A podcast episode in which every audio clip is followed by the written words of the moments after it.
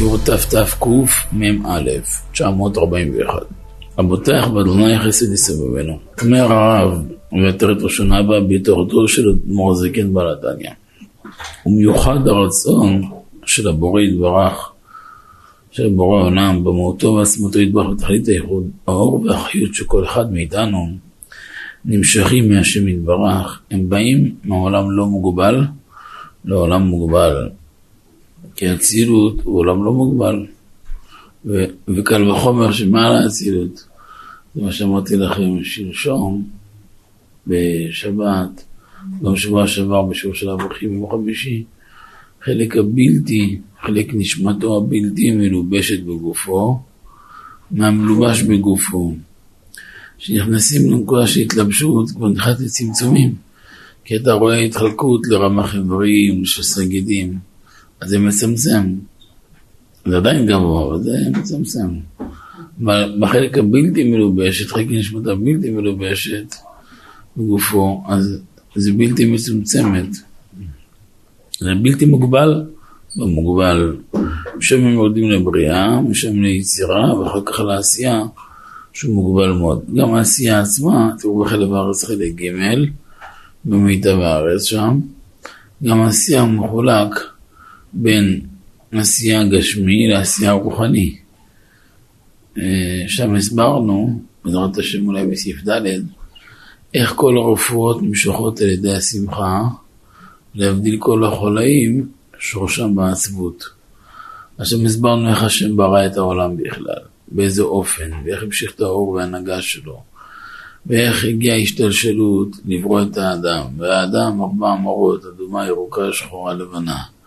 והתפקיד של כל מראה זה שורש האיזון אצל האדם. כשמראה עודפת על חברתה אז הוא מאבד איזון ומשם הוא מסכן נופל בכל מיני נפילות וגריעות כל מיני מצבים לא, לא טובים, לא מתוקנים. השלמות של האדם זה דווקא באיזון שלו. זה מעלה של אדם שכל מעשיו קודש ולשם שמיים. הוא תמיד מאוזן. אה, כל דבר, קחו לכם כלל שיעזור לכם. כל דבר קיצוני בחיים הוא לא טוב. כך כתב אדוננו הרמב"ם. כל הנהגה קיצונית היא לא טובה. אני מוסיף לכם אפילו בגדולי רבותינו הפוסקים. כאלו שהקצינו לכת, רק עם איזה חכם בצורה קיצונית, נגד השכל, נגד ככה, נגד ככה, בסוף זה יצא חריגות לא בריאות. בשום דבר ההקצנה לא טובה. חוץ מדבר אחד, שההקצנה בו טובה תכלית הקצה האחרון, לדעת אדוננו הרמב"ם, זה מידת הכעס. שבה צריך להקצין עד קצה האחרון, להיות אדיש ושנתי ואפילו מעצבן, העיקר לשחוט אותה, לגמור את זה, ואחר כך להגיע למצווה. אבל חוץ מזה, בשום דבר הקיצוניות לא טובה. הנוסחה הנכונה, כל דבר קצת. וזה נכון. אמ, בדברים האלו יש הרבה מאוד מה לומר, וזה לא כל כך העניין להעריך. יותר הנקודה לחיות את המציאות. מי שיודע לחיות את הנקודה של המיצוע, ויודע לחיות את הנקודה של האיזון, על פי רוב הוא גם לא מגיע אף פעם לבעיות כגון בעיות שלום בית, ובעיות קשב, ובעיות אה, חברתיות, כי תמיד הוא מותיר טעם לעוד. למשל, אתן דוגמה אחת מיני אלף. אישה גמטריה דבש. דבש, מצאת אכול דייקה, פקדיס בעינו והכה אותו. כך אמר שלמה המלך. דבש דבר מאוד מתוק. כפית ראשונה היא מראה את העיניים, משמחת את הלב. אתם יודעים שבדבש יש עשרות רבות של רפואות. יש רפואות, וואה כמה. אפילו האחי, אם כל היום תאכל כפית ועוד כפית ועוד כפית, מה יקרה לך? תקיא אותה. אבל הכפית אחת ל... זה מאוד טוב, זה מרענן, מאיר את העיניים, שמח את הלב, פותח את הלב, מפקח, יש בה הרבה מעלות. אותו דבר דבש, אותו דבר האישה, אישה גמטריה דבש, 306. תהיה עניינים שקשורים בינו לבינה, בטעם הטוב, במקום הנכון, נפלא מאוד. מחיה את האדם, ממשיך אור של הבינה העליונה באדם. עוד הרבה עניינים גדולים, נפלאים מאוד. אור ישר ואור חוזר, ומי שיודע גם לכוון כוונות טהורות במצב קודש לשם שמיים, וואו. כמה וכמה מצוות דורייתא ודרבנן, וגם כמה וכמה השגות יפות ומהירות רואה. ואדרבה ואדרבה. איפה הנפילה של בני אדם שמאבדים איזון? עושים בשביל תאווה ושוכחים גבולות. מה קורה? תראו, מישהו בא, מילא לי כוס עם מים. תסתכלו מה הוא עשה. הוא מילא כוס כמעט עד למעלה. הוא יש כמו חצי אצבע שהוא לא מילא. למה לא מילא? דרך ארץ. הניח מקום שלא יישפך, וזה מאוד נעים, וכל אחד שיקבל את זה ישמח. אבל אם היה ממלא פי שלוש מתכולת הכלי, נגיד הכלי הזה מכיל 200 מיליליטר, ו-20 ליטר, פי חמש, מה יקרה עם ארבע חלקים? שפכו בחוץ. אז ילכלך את הרצפה, וילכלך את הכביש, ואת המדרכה, ואת הרהיטים, ויציק לכולם. כי השפע שהוא מחוץ לכלים, נהיה פשע. אותו דבר, כל דבר באיזון, בטעם הטוב נפלא. ניסית פעם לנקות בש שנשפך? קשה מאוד. הכל אפשר, אבל קשה מאוד. ככה זה. מאבדים איזון, מאבדים את כל הטעם. אותו דבר אצל אישה. אף פעם, תמיד תיתן ותיתן הרבה, ותמיד תשאיר טעם לעוד. ברגע שמאבדים את הטעם לעוד, מחר לא צריכים אותך. מחר לא צריכים אותך, תקבל בעיטה, תתכונן גם הבית, שים שכפ"ץ שיהיה לך פחות כואב, אבל הבעיטה תהיה כואבת. וזה אשמה של בני אדם שהם לא למדו תורה, ולא יודעים לשמור על איזון. ומי שיודע לשמור על איזון, כל המערכות שלו נפלאות. וכן זה הדרך בכל שלב וכל תנועה בחיים. כל קיצוניות לא נכונה. גם בעסקים, קיצוניות ב-97% מהמקרים היא לא נכונה. היא לא רק לא נכונה, היא אפילו מפילה לחלקים אפלים מאוד. אפלים מאוד וממיתה על האדם אסונות גדולים מאוד. וזה לא המקום ולא הזמן. השם יתברך עושה את כל זה כדי לחיות בהם נפש כל חיים. אבל כל העולם חי רק מהחיות של השם יתברך. השם נקרא חי, ואולי מחייני, וימלא כבוד אדוני כל הארץ. ואתם הדבקים אדוני אלוהיכם, חיים הולכם ליום.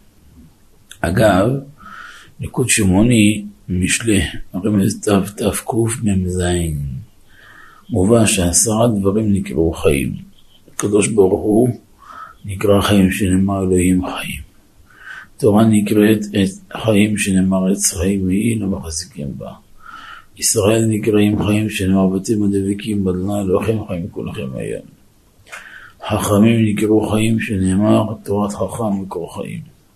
צדיקים נקראו חיים, שנאמר פרי צדיק עץ חיים. גן עדן נקרא חיים, ועץ החיים בתוך הגן. ארץ ישראל נקראת חיים, ונתתי צבי בארץ חיים. ירושלים נקראת חיים, ותלך לפני אדוני בארצות החיים. גמילות חסדים נקראת חיים, שנאמר כי תבוא חסדך וחיים. מים נקראו חיים, שנאמר מקור מים חיים. יפה. מי שחי יכול להשפיע חיות לכל מי שאין לו מעצמו. חי, היום חי באלול. תראו כמה. השגחה פרטית גלגלה. מהות של מים חיים, מהות שמחיה את הנפש לכל מי שאין לו מעצמו. כמו שאנחנו מבקשים בעשרת ימי תשובה, זוכרנו לחיים. מלך חפץ בחיים, כותבנו בספר חיים. למענך אלוהים חיים. עוד שני מעצרים אנחנו נעמוד בראש השנה, חיים בריאים ושלמים, ונזכה להיכתב לחיים טובים וארוכים על שלום. זוכרנו לחיים. כולם נסגרים לפני השם. אומרים במחשבה, בכוונה שלנו, יהי רצון. מלפניך שתכלית הזכירה שניזכר, לפניך אנחנו בבני ביתנו, תהיה לחיים ולא למיתה חס ושלום.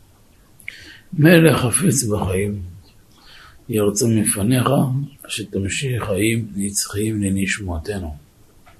כותבנו בספר החיים, ירצה מפניך, שתמשיך חיים ארוכים וטובים לנפשנו וגופנו, למענך, אלוהים חיים, כדי שנוכל לעבוד עבודת הקודש בקדושה ובטהרה, בלי שום טרדה. בעולם, בישיבות, בפרט בליטבק, הימים האלו ימים מאוד מרים, משונה מאצל החסידים ואצל עובדי השם אמיתיים, ובפרט מי שלא פגם, שניכר אצלו שמחה עצומה, שנובעת מתוך דבקות אמיתית בהשם. ליטאי רגיל לא יכול להכיל את השמחה באלול, אין לו כלים לזה. מצויר לו שרק אם ימלא כוסות של דמעות ויגון והנחה, אז זה נקרא שהוא ניצל את אלול. אין לו כלים בכלל להכיל את זה. זה הכוח של תורת החסידות. משנה את התפיסה, משנה את המהות, משנה את החיים. אם היו זוכים בישיבות הקדושות ללמוד קצת קור טוב של חסידות, דברי טעם, דברים שמשנים תפיסה בחיים, כמו יושר דברי אמת, ובמידה נכונה, ליקוטי מאורן, במידה ממש, ספר התניא, דברים שמשנים תפיסה ומעמיקים את הידיעה ואת ההבנה, מחד בגדולת הבורא, מאידך בפחיתות האדם, אבל בחיבור של העליונים ותחתונים. להכניס נשמה בכל פינה, וחיות בכל נברא. כל התפיסה בעולם הייתה שונה. במקום להסתכל על תלמידים במבט ביקורתי ונוקב וקורע עד התהום, ידעו להסתכל גם על תלמיד שנמצא בשיא המשבר עם אלפי נקודות טובות וכתלמיד בפריחה או בעלייה, בתוך זה היו מרימים אותם. היו מרוויחים קודם כל שאפילו אחד לא היה נושר, היו מרוויחים מציאות של שמחה פורצת גדר בישיבות, והיו מכפילים את ספסלי בית המדרש אלף יודות. התפיסה היא מאוד מאוד מהותית כאן, מאוד מאוד מאוד מאוד מהותית, נורא מהותית. אבל לא עלינו לתקן את העולם, כן עלינו להשריש בקרבנו ובביתנו דעה נכונה, דעה רחבה, בהסתכלות בריאה. וזה תפקיד של כל אבא, כל ראש משפחה, להנחיל בבית, קודם כל עם האישה, אחר כך עם שאר בני הבית, להנחיל תובנות בריאות. כי אדם לא יכול ליצור, לייצר חיים. זה נקרא לייצר חיים, מה שאמרתי לכם. אדם יכול רק להמשיך חיים. עם כל התפתחות הטכנולוגיה, אין שום אפשרות לייצר חיים. יצרו חלליות, יצרו טילים, בליסטיים, יצרו פיתוחי הייטק מדהימים. וכל זה אפסי מול גדלות הבורא יתברך. היחיד שחי ומחיה את כולם זה הקדוש ברוך הוא. כמו שכתוב, אתה מחיה את כולם. זה שיש בתי חולים, הם באים רק לשמור על הקיים. איך הרופא אומר, הרפואה עשתה מה שהיא יכולה, תפנו לשמיים. האמת היא, אני מתחזק מדבר אחד, שכל מחלקה בכל בית חולים קורה על שם רופא אחר. כשאני רואה תמונה של רופא על הקיר, אני מבין שהוא כבר איננו בין החיים. לכאורה מה רופא גדול, איך הוא לא ניצח את המלאך. כנראה שאין לו שליטה על זה. פעם אחת חיכיתי לאיזה רופא, יליד נפש, מסכן, זיכרונו לברכה גם הוא. אה, אז חיכיתי לפגוש אותו באיזשהו עניין. תוך כדי ראיתי תמונה בקיר של פרופסור אחר שגם הוא היה ידיד נפש שלנו. אז השתוממתי. אמר לי, ראיתי מה קראת בשוק. אמרתי, לא הרבה זמן שדיברתי איתו, והיינו חברים טובים. אמרו לי, מה הבעיה? אמרתי, בתמונה שלו בקיר סימן שהוא כבר טס למעלה. מה אתה חושב? אמרתי, אני בטוח. אז נכנסתי לרופא. אמרתי לו, תגיד לי, מה שלום חברנו? אמר לי, מה קרה לך כבר 11 חודש תכף? כי ראיתי תמונה שלו על הקיר, הבנתי שכבר שווק. לכאורה היה רופא גדול. אלא מה? זה לא התפקיד שלנו, לא הכוח שלנו.